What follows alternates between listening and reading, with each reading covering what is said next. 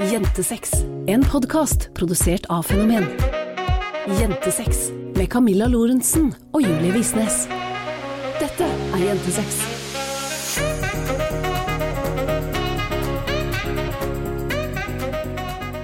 Hallo, alle sammen, og velkommen tilbake til en ny episode med Jentesex, podkasten hvor vi snakker om sex, seksualitet, samliv og selvfølelse oss jenter imellom. Og denne podkasten er med meg, Camilla Lorentzen. Og meg, Julie Visnes. Du er blitt god. Takk. Og det var jo på tide, fordi nå har vi jo blitt ekte podkast-queens. Jeg tror ikke det fins noe mer ekte enn å ha podkaststudio hjemme. Vi har altså, for å være korona føre var, som jeg kaller det, Føre var. korona føre var, ja, så har vi altså gått til eh, innkjøp av podkastutstyr, og sitter nå i vår eh, snart fraflyttede leilighet på Kalnes i Tønsberg og spiller inn denne episoden. Og jeg syns det var sykt deilig, for jeg vet vi har snakka sykt mye om at eh, vi er så trøtte. Fordi vi må alltid sove klokka åtte og reise til Oslo for å spille inn, og nå er klokka tre, så da har jeg endelig fått nok søvn, og det er digg. Det rare er at jeg fortsatt er trøtt. Er rart det, ja, det tror jeg er D-vitaminmangelen. Og det kan jeg jo ikke noe for, annet enn å ta D-vitaminene mine, og det kommer jeg aldri til å gjøre. Og det er jo egentlig bra at vi har vært litt korona før var, fordi i dag så har jo vi vært der litt av tur på teststasjonen her i Tønsberg. Å, herregud. Jeg hadde altså hosta så mye i natt, så jeg bare våkna og bare Nei, nå må vi reise og teste. Og jeg syns jo den testen er så ekkel, men altså, det går jo dritfort. Og det er ikke noe stress i det hele tatt. Det er bare akkurat i det de dytter den der greia langt opp inn i hjernen din. Not for me. Og spesielt siden vi nettopp har sett World War Z. Det føltes som en zombieapokalypse. Ja, de da vi kommer liksom med disse vernedraktene sine og er helt liksom protected. Og jeg er bare litt redd for at jeg skal bare switch into a zombie all of a sudden, men det gikk heldigvis bra. Ja, for du- de infiserte ikke hjernen din med et virus. Nei. Og Vi skal, vi skal ikke sette ut en sånn konspirasjonsteori. Det hadde vært Ja, dette er igjen sarkasme Ja. og tull og everything, eh, everything we don't mean shit. For vi er ikke av de som mener at uh, dette er oppspinn, eller at man ikke skal ta vaksinen, eller altså Folk har så mye sjukt å si om det her, Ja, folk liksom. har mye sjukt å si. Ja, det blir altfor mye for meg. Men hvis vi skal la korona ligge en liten stund, så har det jo skjedd litt siden sist, Julie. Å herregud, jeg tror det har vært det mest dramatiske tiden i livet mitt noensinne. Det har vært så mye greier. Og så når, jeg mener, altså når jeg sier dramatisk, så mener jeg at jeg blir sint på dine vegne. Ja. Ja. Så jeg har jo vært nedover en blokkelane her, og alle som har sendt piss i Camilla sine DMs, hun har bare 'Å, nå sendte denne dette, denne sendte dette'. Jeg bare 'OK, blokka, blokka, blokka, blokka'. Blokka WhatsApp, blokka Snapchat, blokka Instagram. Men jeg syns det er så rart hvordan folk reagerer på det å bli blokka også, for du har jo fått en del meldinger av eh, mennesker som jeg har blokkert, eh, og jeg syns bare det er sånn OK, but if you can't behave, hvorfor skal du da få access to my space? Nei, men det er noe med det her å forvente liksom at folk bare skal godta hva faen som helst. Ja, at vi er til stede for andre mennesker, at vi liksom ikke er mennesker, da. Vi er liksom en tjenesteserviceplattform hvor eh, alle skal få det de vil ha, og med en gang eh, de ikke får det de vil ha, da, basically, så gjør vi noe galt, eller vi tjener for mye på det vi legger ut, eller alt mulig sånn her. Og du har jo hatt en ganske intens samtale rundt det der med hva vi tjener, Camilla. Ja, det har vært litt crazy akkurat denne uka fordi for en stund tilbake så altså, Skal jeg bare spille all teen som fins å spille, kan jeg ikke det da? Ja, altså, dette er family. Ja. Dette er family You're our family, så dere får høre. For en stund tilbake så var jeg i samtaler med et treningsmerke, og som alle vet så har jo jeg et fast samarbeid med We Are Fit, og det har jeg hatt i altså hvor lenge? Fem år? Fire år? Ja, det er lenge, ass. Kjempelenge har jeg jeg jobba med begynte jo å jobbe med de i hvert fall to år etter du hadde begynt å jobbe med de, og det var jo Når var det, da? I 2018? Ja, kanskje. Så ja, i hvert fall Ja. dritlenge. Jeg har vært med de siden de var en bitte liten bedrift, liksom, og jeg var der og besøkte Yvonne og Espen, og vi liksom tegna klær sammen. Altså, ja, vært der for alltid. Og så sendte Famme, som er et annet treningsklesmerke, sendte meg en mail og lurte på om jeg ville ha et samarbeid med de. Og som jeg alltid gjør når jeg får meldinger, uansett hvem det er fra, uansett om det er fra noen som jeg på en måte allerede har en eksklusiv samarbeidsavtale på eller ikke, så svarer jeg jo hyggelig og at det er interessant, fordi det er noe med å kartlegge hvor markedet ligger, liksom. Ja, og så er det også noe med det der å, å prissette seg riktig, fordi at jeg syns det er så innmari vanskelig eh, fordi jeg vil være så snill, sant. Så får jeg dårlig samvittighet hvis jeg prissetter meg det jeg egentlig er verdt. Men eh, man må jo på en måte få den inputen fra andre brands for å kunne prissette seg riktig i tillegg. Altså man må hele tiden følge den markedsveksten og markedsverdien og alt det der. Og hvis du har prissatt deg for fire år siden, når du hadde 30 000 følgere og ikke det engasjementet du har og alt det der, så er jo åpenbart prisen annerledes nå. Og hvis du aldri svarer, så finner du heller, heller aldri ut hva du er verdt. Da. Nei, så det er liksom, man må ha de samtalene selv om, selv om man er fornøyd der man er, da. Det handler ikke om å være utro, det handler om å sjekke ut hvordan andre vannet plenen sin, for å si det sånn. Og vi var liksom i litt samtaler fram og tilbake, og eh, jeg sendte over mine priser. De kom med tilbud, jeg sa det kan jeg dessverre ikke, og jeg har et samarbeid med We Are Fit som betaler det her. Og jeg ga de en pris, og så hørte vi liksom Eller de sa tilbake at uh, hvis de kunne få se salgstall og sånne ting, så kunne de være, hvis det viste seg at jeg solgte bra, så kunne de være interessert i å betale mer. Uh, og skal jeg være helt ærlig, så glemte jeg den mailen. Den burde jeg jo ha svart på, men det, sånn er jeg. Distré, sant. Nå hadde jeg fått den informasjonen jeg trengte, og da glemte jeg å svare noe mer, fordi bye bye. Eh, og da tenkte jeg ikke noe mer over det. Og så gikk det noen uh, uker, og så plutselig så får jeg tilsendt en printscreen fra at Famme har lagt ut uh, Det starta vel som et innlegg med We Are Fit. Jeg skal være helt ærlig at jeg har ikke lest hele det greiene der, for det gadd jeg ikke. Men det jeg fikk bilde av, var den delen de hadde skrevet om meg, som var at eh, annet Camilla Lor påstår at hun tjener 100 000 kroner i måneden på samarbeid med We Are Fit, så dere kan jo avgjøre for dere selv hvor troverdig dere tenker at henne er. Sånn at der har Famme sittet og sagt at mitt samarbeid med We Are Fit er ikke troverdig pga. at jeg tjener penger på det, og de har i tillegg lagt ut det som jeg anser som på en måte konfidensiell informasjon, da.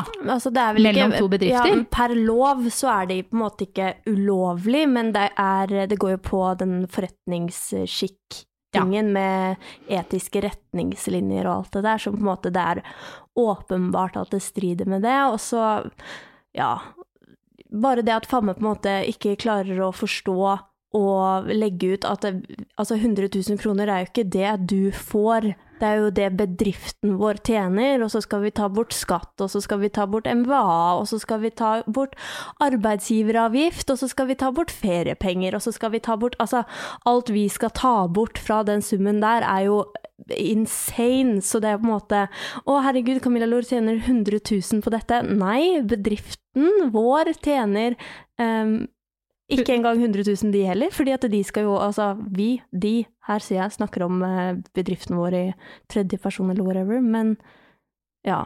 Ja. ja. Men det er liksom bare noe med det der å føle seg liksom entitled til ja. å gå ut med en samtale du har hatt med en person i fortrolighet. For det er jo noe med det, du må jo, når du driver en bedrift, stole på at de tallene du legger frem for andre bedrifter, blir holdt mellom dere. Eller at det blir spurt, sant. Eh, vi ser at du har gitt dette tilbudet, men eh, vi kunne tenke oss å drøfte det der og der. Er det ok at vi snakker om det? Ja ja, kjør på, det gjør ingenting. Og altså, jeg er jo ikke lei meg for at noen har lagt ut eh, prisene vi tar, eller whatever. Det bryr meg jo midt oppi rasshølet. Men det er jo bare så Altså, utspekulert og dårlig gjort, og så tvil omkring min troverdighet på bakgrunn av at jeg vet å prissette mine markedsføringskanaler.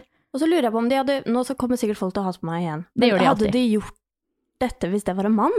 Hvis jeg hadde vært en mann? Hvis du hadde vært en mann og på en måte sendt over dine priser, hadde de da turt å legge det ut? Det er på en måte sånne ting jeg på en måte har tenkt over i ettertid, da, fordi at you know, I'm all about uh, patriarchy and feminism and all that jazz that makes people annoyed at me. Men du er heller ikke den eneste som har stilt spørsmålet, da, for jeg har fått ganske mange meldinger, meldinger i innboksen min fra jenter som er sånn Fy faen, det der hadde de aldri gjort hvis du hadde vært en mann.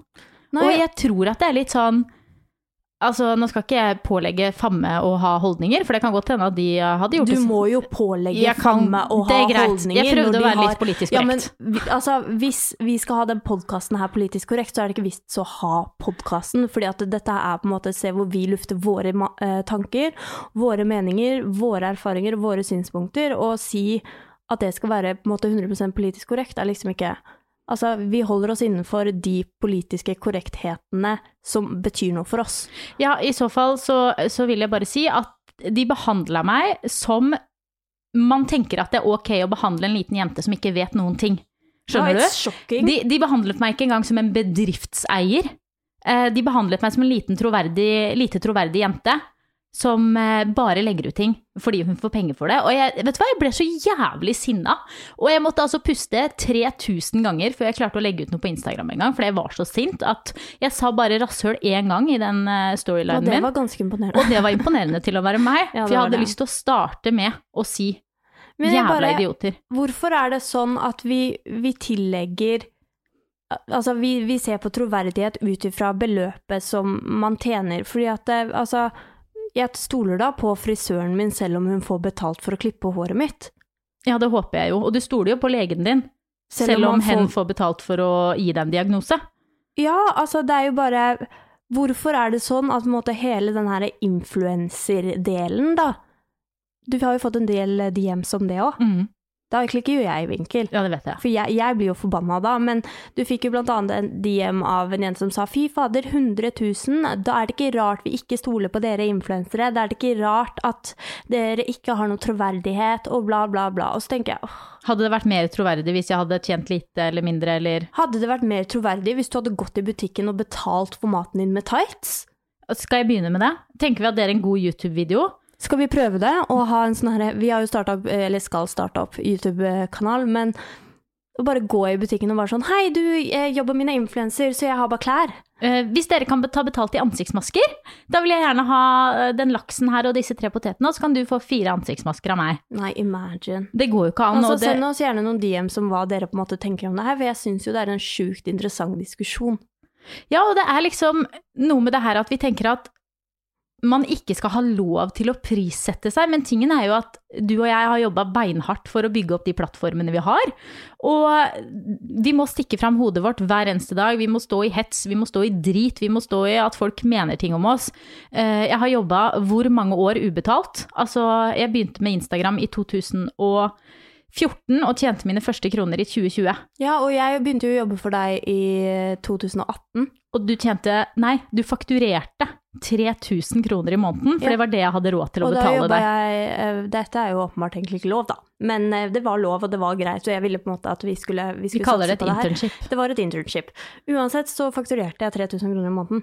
Um, så vi kan bare Og jobba ræva av det. Ja, ja, ja. ja. Jobba 17 timer i døgnet. Men jeg tror det er vanskelig for folk som ikke har sett den build-up-perioden, og jeg angrer egentlig også litt på at vi ikke la ut mer om det i starten. For jeg kan skjønne at det virker som vi bare våkna en dag og, og fakturerte eh, masse penger, men eh, sånn har det altså ikke vært i det hele tatt. Og vi har jobba from the bottom. We started from the bottom, now we're here. Huh. Ja, så eh, det var vår lille utblåsning i dag. Og eh, ja, jeg orker ikke. Nei, Nei. Nei Det- det ble for meget. For meget. Så i hvert fall eh, Hvis du blir blokkert på Instagram nå Nei da, kødda. Vi skal ikke blokkere dere. You're our family, så det går fint. Ja, men podkastfamilien er liksom en, er en, egen, en egen liten eh, squad. Ja. Setter ekstra pris på det. Men det de egentlig Dere. kommer hit for å høre, er jo for å høre oss prate om sex, og for å høre deg bli flau. Ja, ja, ja. Same procedure as every week. Jentesex. Hva skal vi prate om i dag, da? Du, i dag så skal vi prate om eh, alle de tingene vi har gjort i senga, som vi gjorde fordi vi trodde at det var forventa av oss at vi skulle like det. Å, det er mye. Det er så mye. Kan vi ikke bare begynne med det, da? Hva har du gjort? Eller hvis du skal nevne én ting som du på en måte har gjort eh, sexually fordi du trodde at det var forventa av deg i situasjonen, hva er det? Skal vi da begynne med å ligge med menn som helhet, eller skal vi, skal vi holde det til én ting? Nei, altså man kan svelge sæd, da, men det har jeg heller aldri gjort. Har du aldri? Nei, det har jeg nekta alltid, Har så jeg har faktisk aldri gjort det. Men uh, um, gag, altså bare å suge penis Men jeg vet ikke om jeg er på en måte rett person til det her, fordi at det, det som på en måte har vært greia mi, er at jeg har jo ligget med menn fordi jeg har trodd at det har vært eh, samfunnets liksom, retning for meg, og um, my whole gay thing is just a face. Fuck the gay away. Ja, typ, så jeg har liksom ikke Jeg har ikke gjort, gjort så veldig mye eh, med menn som på en måte Har du vært mest passiv? Ja, enten det eller løpt. Har du løpt fra et ligg noen gang? Ja! Har ikke du? Tror du det? Tror du at jeg hadde turt å løpe fra et ligg? Nei, mest sannsynlig ikke. Nei, det hadde jeg ikke. Nei. Da hadde jeg Jeg har ligget der og tenkt er det over snart? Men jeg har aldri løpt fra et ligg, nei. Nei. Har du? Den, den historien vil jeg gjerne høre. Ja, nei, det var bare et random one night stand, og så fant jeg ut at nei, dette gidder jeg ikke likevel, og så løp jeg. Jeg har også faka en gang at jeg måtte spy, så jeg gikk legit på do og sa jeg var så full og bla, bla, kan du være så snill å hente vann til meg? Så stakk jeg fingeren i halsen og kasta opp, så sa jeg måtte hjem. Det var veldig lurt. Ja. Jo, jeg har faktisk en gang uh, som jeg ble med en type hjem, og han skulle ha meg til å ligge over og hele pakka, så uh, ringte jeg en venninne og lata som at hun ringte meg, uh, og sa at jeg hadde nøkkelen sånn at jeg måtte komme hjem.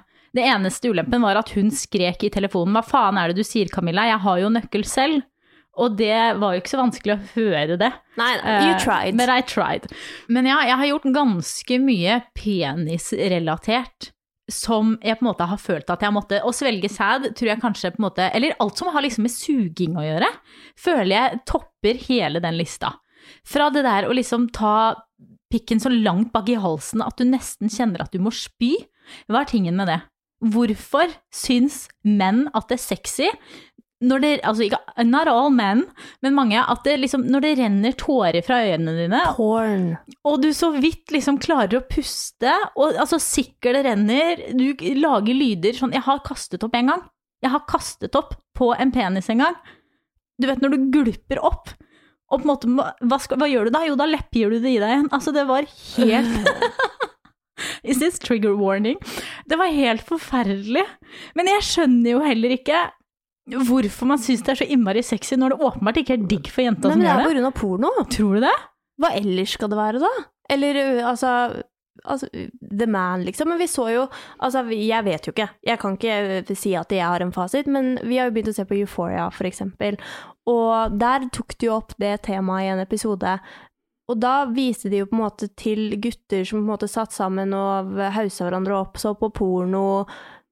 Alt det greiene liksom You're a dirty little girl, let daddy come and spank you and choke you and scream for me, og alt det greiene der.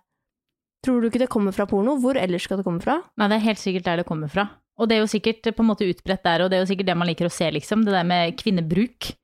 Ja, altså, jeg vet ikke hvor mange altså, vanilla porn-videoer det er på Pornhub, men Det er i hvert fall ikke de som er mest sett, sikkert. Ikke de som er mest sett, sikkert. Nei.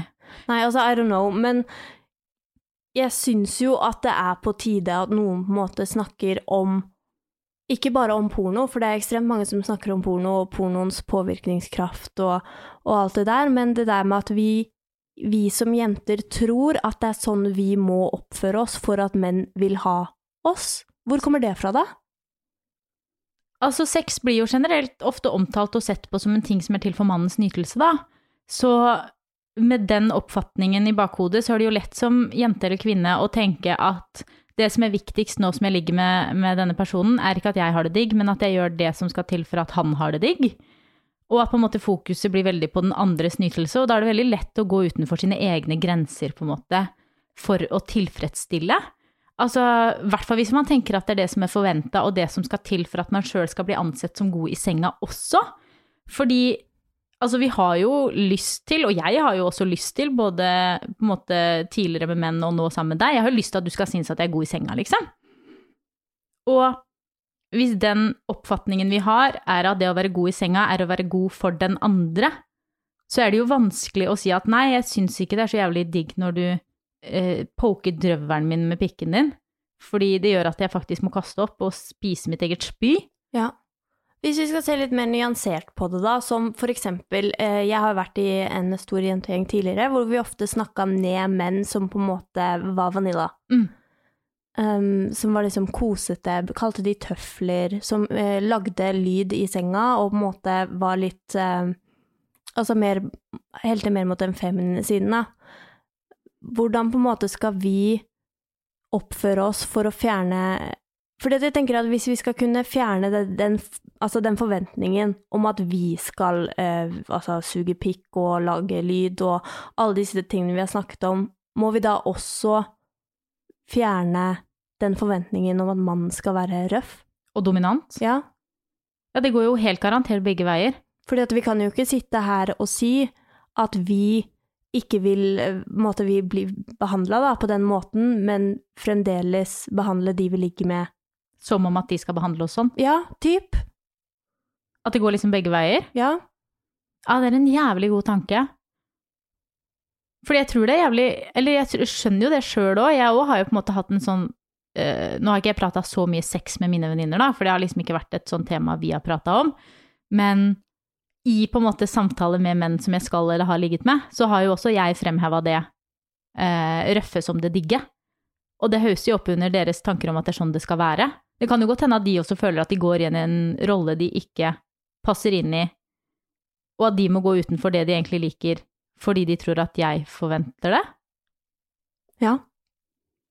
Ah, nå ble, nå ble jeg altså så tankefull oppi hodet mitt at uh, du vet når det går sånne ding, ding, ding, ding, ding, Ja. Jeg føler vi er så innmari raske til å dømme uh, menn for at de Altså primært menn, da. Ja. Uh, for at de er for røffe, eller at de spanker oss og alt choker oss og alle de tingene der. Men jeg tror også vi, vi har godt av, av godt av Jeg klarer ikke å snakke i dag, jeg.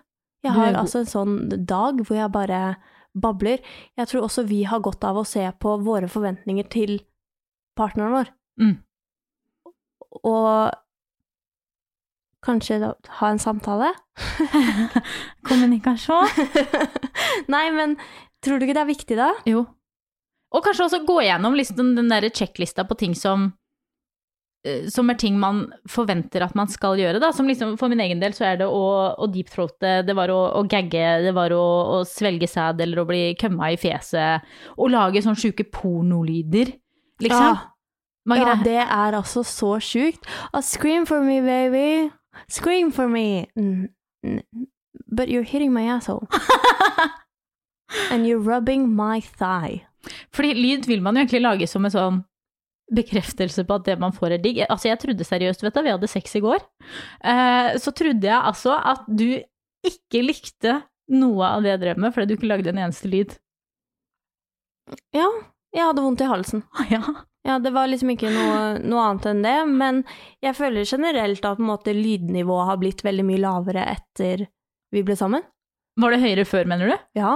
Hvordan da? Nei, altså som om vi var på en måte mindre trygge på hverandre, hadde snakka mindre rundt alt det her, og, og dermed også altså, gjorde det vi trodde den andre parten ville ha, da.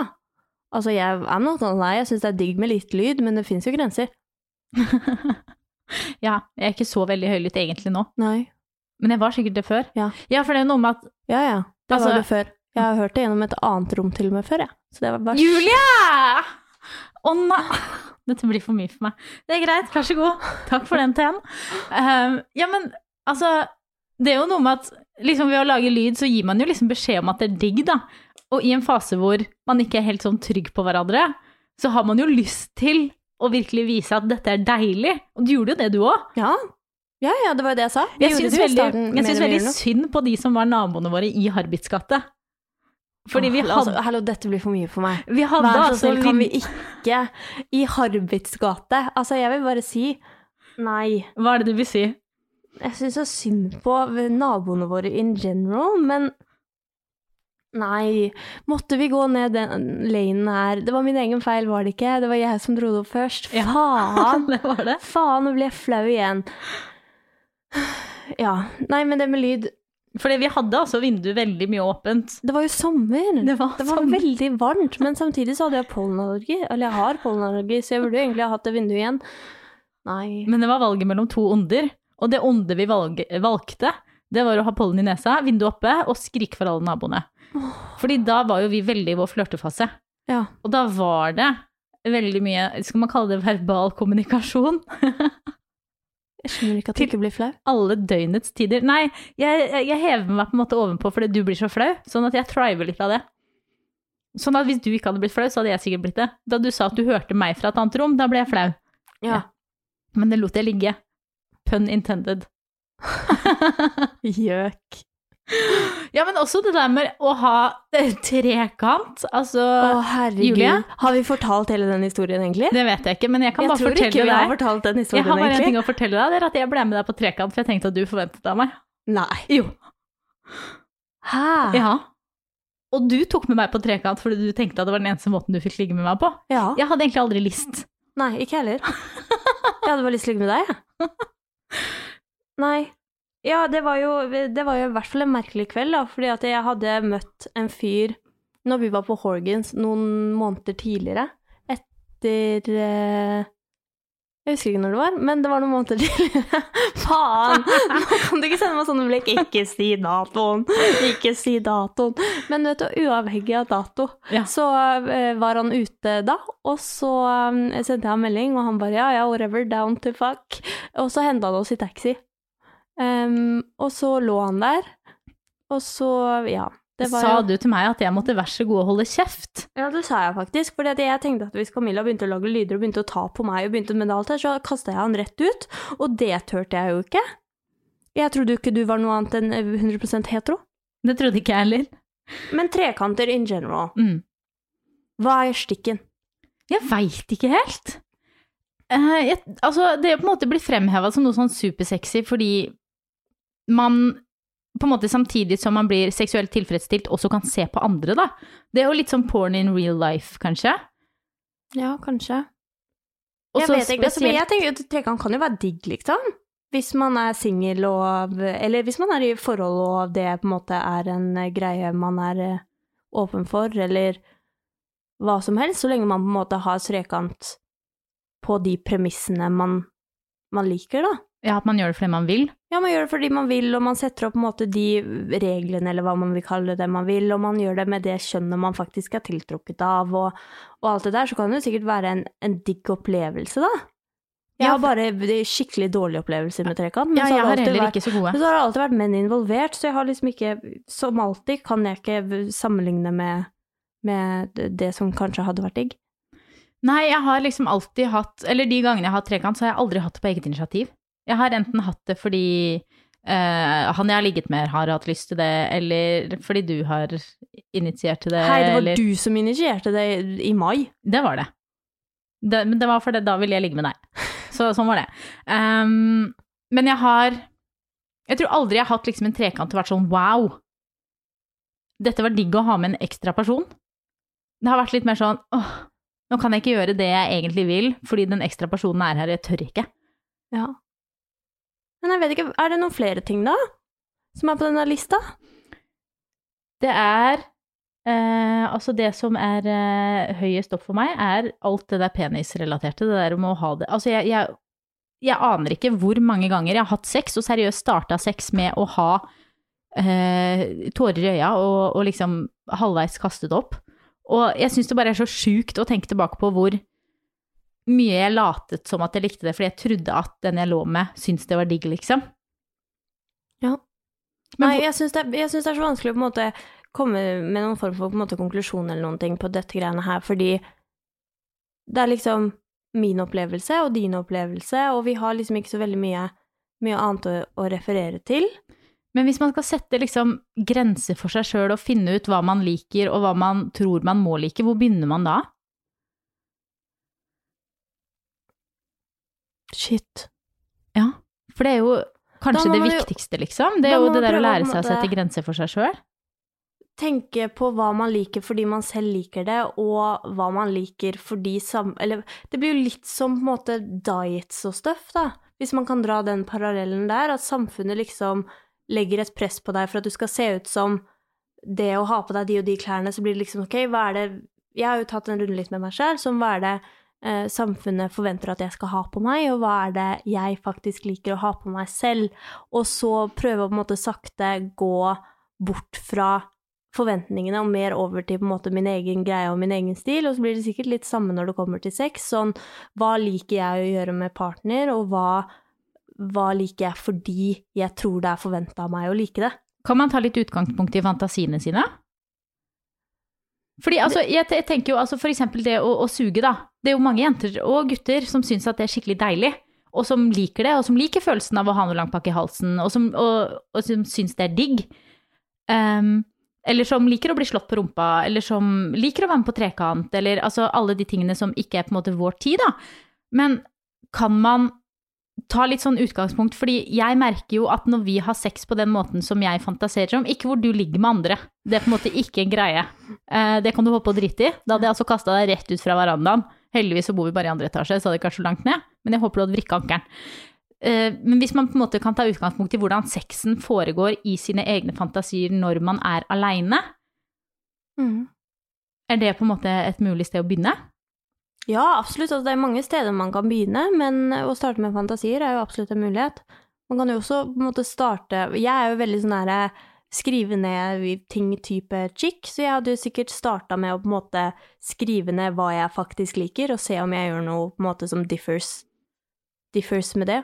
Eller skrive ned alt du gjør, Ja. og så huka på de tingene som du faktisk liker, mm. og stryke ut de tingene som du egentlig ikke er så jævlig fan av. Men hvordan tar man det opp, da? Hvordan på en måte i en seksuell setting hvor noen gjør noe med deg som du føler at er forventa, og som du føler at du må gjøre, men som du egentlig ikke har lyst til? Altså, nå er det jo sånn at uh, det rette svaret er jo sikkert bare å si nei, men det er jo kjempevanskelig. mm. Å ta den derre nei, dette liker jeg ikke. Fordi det blir jo veldig sånn Jeg tror jeg hadde følt at det var veldig harsh. Men kanskje man på en måte kan uh, prøve å, å gå litt rundt det i stedet. For eksempel hvis den du ligger med slår deg skikkelig hardt på rumpa, så si sånn uh, Jeg liker når du slår meg, men ikke så hardt. Eller Men hva hvis du ikke liker at han slår i det hele tatt, da? Eller hen? Unnskyld. Uh, må, man, Det må jo være greit å si nei, da. Mhm. Er det ikke det, da? Jo. Men den dårlige samvittigheten man får etterpå, da, hva gjør man med den? Eller den der, ikke dårlig Den må- ja, men den må heller. man jobbe med, altså. Man må Ja. slutte. Man må slutte å hele tiden gi seg selv dårlig samvittighet for om man på en måte setter de grensene som det er lov å sette, fordi det er så jævlig lov å sette de grensene. Det er ikke sånn at 'å, shit, stakkars han, han hadde hele dagen hans ødelagt fordi han ikke får slå meg på rumpa'. Eller hele dagen hens, eller whatever we're chatting about. Altså, nei. It's not like that. Mm. Mm -mm. Det går jo ikke. Du kan jo ikke på en måte sette deg ned og på en måte ødelegge ditt sexliv eller din sexopplevelse, eller Du er jo der fordi at det skal være digg. Du er jo ikke der for å være noen andre sin fucking doll. Altså, da kan de kjøpe en fucking doll, da, som de kan gjøre hva de vil med. Du får kjøpt sånne levende dokker nå, nesten, Mhm. som går på sånn batteri. Oi, det var ikke meningen å gagge der, men men du gjorde det litt likevel. Ja. Så, ja, så som man kan drive med vaske det i badekaret og sånn. Ja, men, men kjøp deg en sånn jævla dokke, da, hvis det er det du vil. Hvis du vil ha en dokke. Men nei, og det må jo være digg for begge parter å vite at det som blir gjort, er digg for den andre. Fordi når man ligger med noen, altså, så vil man jo at det skal være digg for den man ligger med òg. Ja, og så tenker jeg at det jeg sikkert hadde hatt som sånn worst case scenario-tanke, hadde jo vært at nå vil hen ikke være kjæresten min lenger, eller nå vil hen ikke være sexpartneren min lenger, eller eh, nå vil hen ikke se på meg som attraktiv lenger. Men du skylder jo også deg selv å finne en sexpartner eller en kjæreste eller whatever som faktisk liker de tingene du liker, eller i hvert fall respekterer de grensene du setter, og setter sine egne grenser, og eh, at dere sammen på en måte kan finne fram til et sexliv som er godt for dere begge, da. Og for alt du vet, så gjør altså hen bare det her fordi hen tror at du syns det er digg. Fordi alle menn liker jo ikke å være dominante. Alle alle jenter nei. liker ikke å være submissive. Alle Altså, det er jo ikke sånn at uh, vi er født inn i disse rollene, liksom. Men pornoen og hvordan vi på en måte blir lagt fram at så er det sex ikke bare porno heller, det er Nei. jo TV-serier. Ja, det er alt. It's the whole society-thing. Altså, man ser det jo til og med bare på Instagram, liksom. Nå er det jo en del eh, sex workers og mange sånne måte sexprofiler, da, hvor Altså, det fremstilles som en sånn dominant-submissiv type greie. Så tenker jeg også at hvis du følger noen av de sexprofilene, så kanskje du kan finne noen av de andre sexprofilene som har et mer nyansert forhold til sex, da. Eller starte et sted hvor du på en måte faktisk ser på ting på TV, hvor det ikke er den stereotypiske Mm. dominant submissive Greia. greia. Ja, så det er vår eh, oppfordring til alle denne uka her, tenker jeg. Det er å skrive ned en liten liste over hva du gjør når du ligger. Eh, Gå gjennom den og se om det er noe du er med på bare fordi du føler du må, og hva du faktisk liker. Og kanskje det er noen ting som ikke står på den lista i det hele tatt, som du faktisk setter skikkelig pris på. Tør å ta praten med partneren din, uavhengig av om det er en fast partner eller om det er en one night stand, og liksom sette grenser for deg sjøl, og vite at Det er lov å gå. det er lov å gå. Og, Det er lov å si nei, og det er lov å gå. Du trenger ikke wrap it in. Nei. Du har lov til å være tydelig på hva som er digg for deg, Og du fortjener å være med noen som syns at det er sexy at du setter disse grensene, fordi det betyr at du får større nytelse av det dere driver med. Mhm. Yes! Du hører Jentesex. Og med det så tenker jeg vi går over til ukens spørsmål. Og denne uka her så har altså dere vært så gode til å sende inn spørsmål på DMs, og vi har fått inn et skikkelig langt spørsmål som eh, jeg syns var så bra. Og Julie, du skal få lese det opp. Det er en liten er novelle. Det er en liten novelle, jeg er klar. Og eh, ja, kjør på. Ok, dilemma til pod. Jeg sliter skikkelig med å slippe en tidligere jente jeg har vært forelsket i og hatt følelser for. Vi er veldig ulike som personer og har et totalt annet kjærlighetsspråk. Jeg var tydelig overfor henne at jeg hadde følelser, og hun var tydelig tilbake og sa at hun ikke hadde det. Noe jeg respekterte. Men hun sa også samtidig at hun likte meg. Sånn holdt det på frem og tilbake i en måned omtrent. Jeg merker at jeg ble veldig frustrert og lurte spesielt på om hun hadde kommet noe lenger angående følelser. Jeg syntes det var vanskelig å spørre ettersom det er noe hun måtte finne ut av selv. Hun ga også uttrykk for at hun hatet å få spørsmålet. Derfor trakk jeg meg unna, og da kom hun snikende tilbake igjen, og samme situasjon skjedde all over again. Mye diskusjon, men ingen konklusjon på hva vi skulle gjøre videre. Hun ga meg mye mer dårlige følelser enn gode, men samtidig så følte jeg et slags behov for å svare henne hver gang hun sendte meg melding, uansett hva hun skrev. Til slutt satte jeg ned foten og fortalte henne at dette ikke funker for meg, fjernet henne som venn på Snapchat. Jeg begynte da å snakke med en ny supersøt jente, og vi har daglig kontakt fortsatt. Så gikk det to uker uten noe kontakt, da får jeg meldinger om at hun tenker på meg, og at hun kanskje kan ha noen følelser, at jeg er første jente hun har vært med, og at det ikke er lett for henne. Hun skylder på at hun er en kald person og har vanskelig for å uttrykke følelser. Hun skriver også at hun ikke kommer til å la meg komme over henne. Mitt dilemma er derfor, hva burde jeg gjøre? Personlig føler jeg meg ti ganger bedre når jeg snakker med hun nye, men samtidig synes jeg det er vanskelig å gi slipp på når hun først har vært så ærlig om hva hun føler.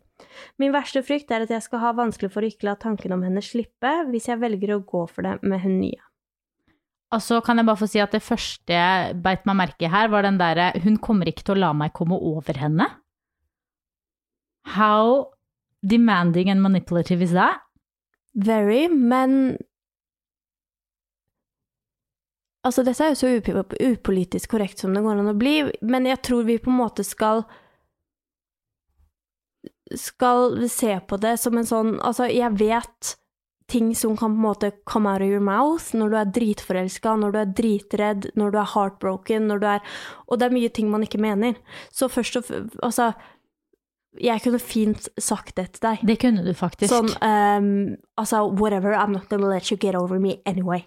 Det kunne du faktisk ha gjort. I en på en måte setting hvor, hvor vi var i en heated argument, eller i noe ting som det er, og så må man jo ta det opp og snakke gjennom det, og bare sorry, det var skikkelig teit sagt.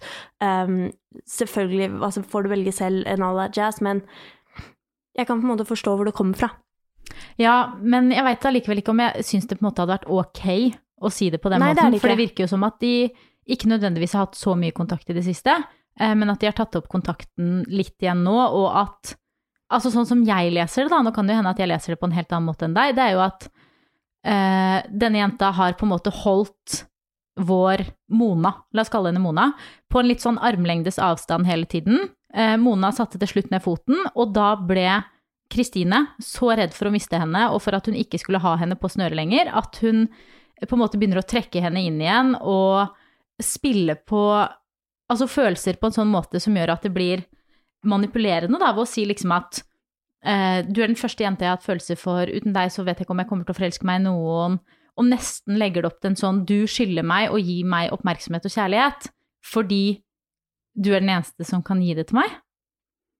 Ja, men jeg tenker Altså, nå blir det jo veldig, veldig motsatte ting her, da, men dette er en jente som aldri har vært med en annen jente før. Um, hun har ikke hatt noen følelser for en jente før. Hun har ikke ligget med en jente før. Hun har dette meg? kanskje ikke engang Wow, you got it!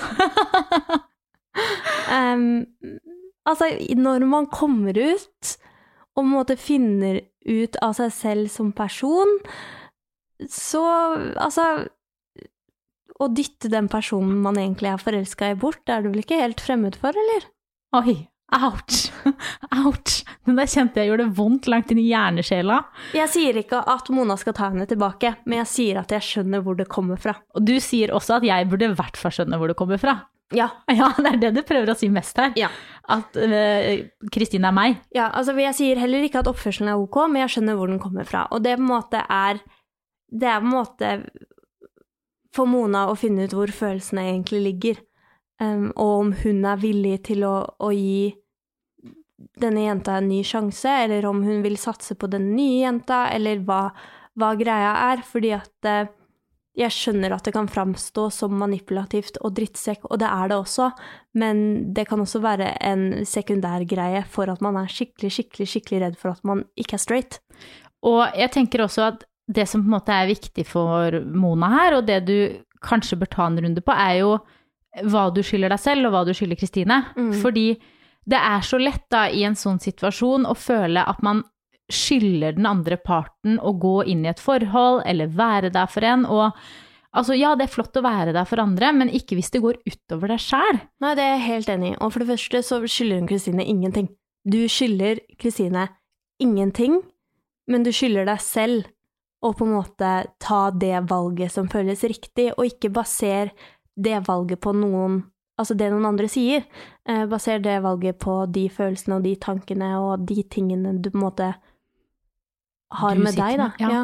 Men hun nevner jo også det her at hun er redd for å la Kristine gå, fordi hun er redd for at man Hun alltid kommer til å sitte igjen med den der følelsen av at hun liker henne. Er det også noe som kan være litt sånn vanlig å føle på eh, når man holder på med noen som ikke gir hele seg sjøl? Og så er nå Mona i nye samtaler med en annen jente som det virker som at gir hele seg sjøl, og at det blir så tilgjengelig at det nesten blir litt vanskelig å la det utilgjengelige gå fordi Jeg veit ikke, man får en sånn skikkelig rush av gode følelser når den utilgjengelige gir deg oppmerksomhet. Ja, altså det blir jo litt det vi har snakka om med den her musa. Fordi at vi bruker en sånn her eh, metaforgreie hvor det er eh, to mus med to knapper, og den ene musa eh, trykker sporadisk på knappen og får bare mat noen ganger, eh, mens den andre musa trykker på knappen, altså hver gang musa trykker på knappen, så får hun mat. Um, og det er litt sånn som med kjærlighet òg, fordi at den ene musa blir da stuck med å bare trykke og trykke og trykke, og trykke, for han aner ikke når han får mat. Og mat er her kjærlighet. Ja, Ja. Uh, mens den andre trykker når den trenger Ja. mat, Uh, og kan liksom live your life, uh, his life or whatever, um, the rest of the time.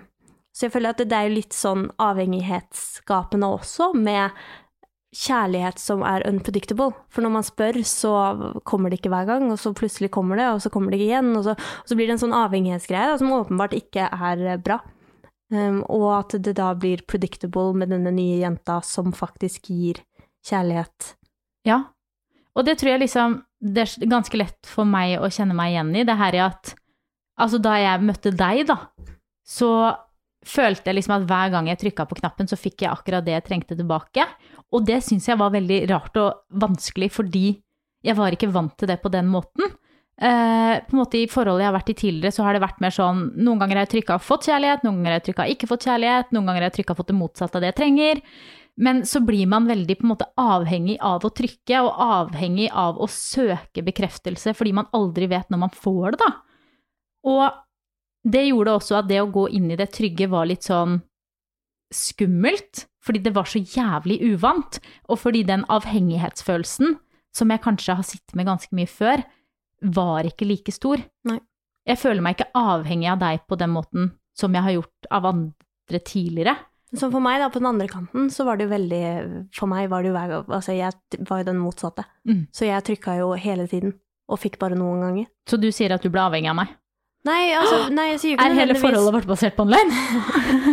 Ikke nødvendigvis det, men at det var ikke den tryggheten for meg når jeg gikk inn i det, som det var for deg. Mm. Um, og derfor hadde vi også sikkert litt ulike måte, opplevelser av hvordan det var uh, i starten. Men um, Hvis, vi skal gi, ikke. hvis vi skal gi Mona ja, noen nei, jeg- råd, da. jeg- ja, men follow your heart, da. Ja. Ja, ta en runde med deg selv om den følelsen du sitter med for Kristine er kjærlighet eller avhengighet. Mm.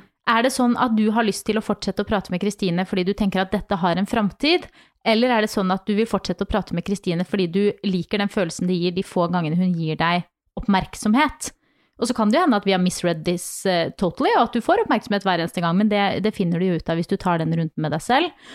Og så vil vi bare fortelle deg at du har lov til å satse på det som er kjærlighet, mm. og ikke er nødt til å gjøre noe fordi du skyld, føler at du skylder det til Kristine. Yep. Du har lov til å satse på deg selv, og hvis du kjenner at det du har med denne nye jenta er eh, magic, så har du lov til å gå for det uten å sitte med dårlig samvittighet for at du har skuffa eller let Christine down. Ja, Fordi er det, Altså, det er- du skal ta basert, nei, valg basert på dine følelser, og ikke basert på andre sine. Ja, du sa det. I said it. Ja. Og med det så sier vi takk for denne episoden, for aller første gang spilt inn i vårt hjemmestudio. Husk å rate oss i iTunes. og gå inn på Instagram og følg Julie E. Visnes og Camilla Lor for eh, din daglige update med glede i feeden. Glede i feeden. Glede i feeden. Glede. Og med det så sier vi gærende tusen takk for at du var med oss i dag, og ønsker deg ei gærgod uke. Vi sjåast om sju dager. Vi og høres, faktisk. Vi, vi høres om sju dager, og gleder oss til å henge med deg igjen. det er god. Adios! Ha det! Du har hørt Jentesex med Camilla Lorentzen og Julie Visnes. En podkast produsert av Fenomen.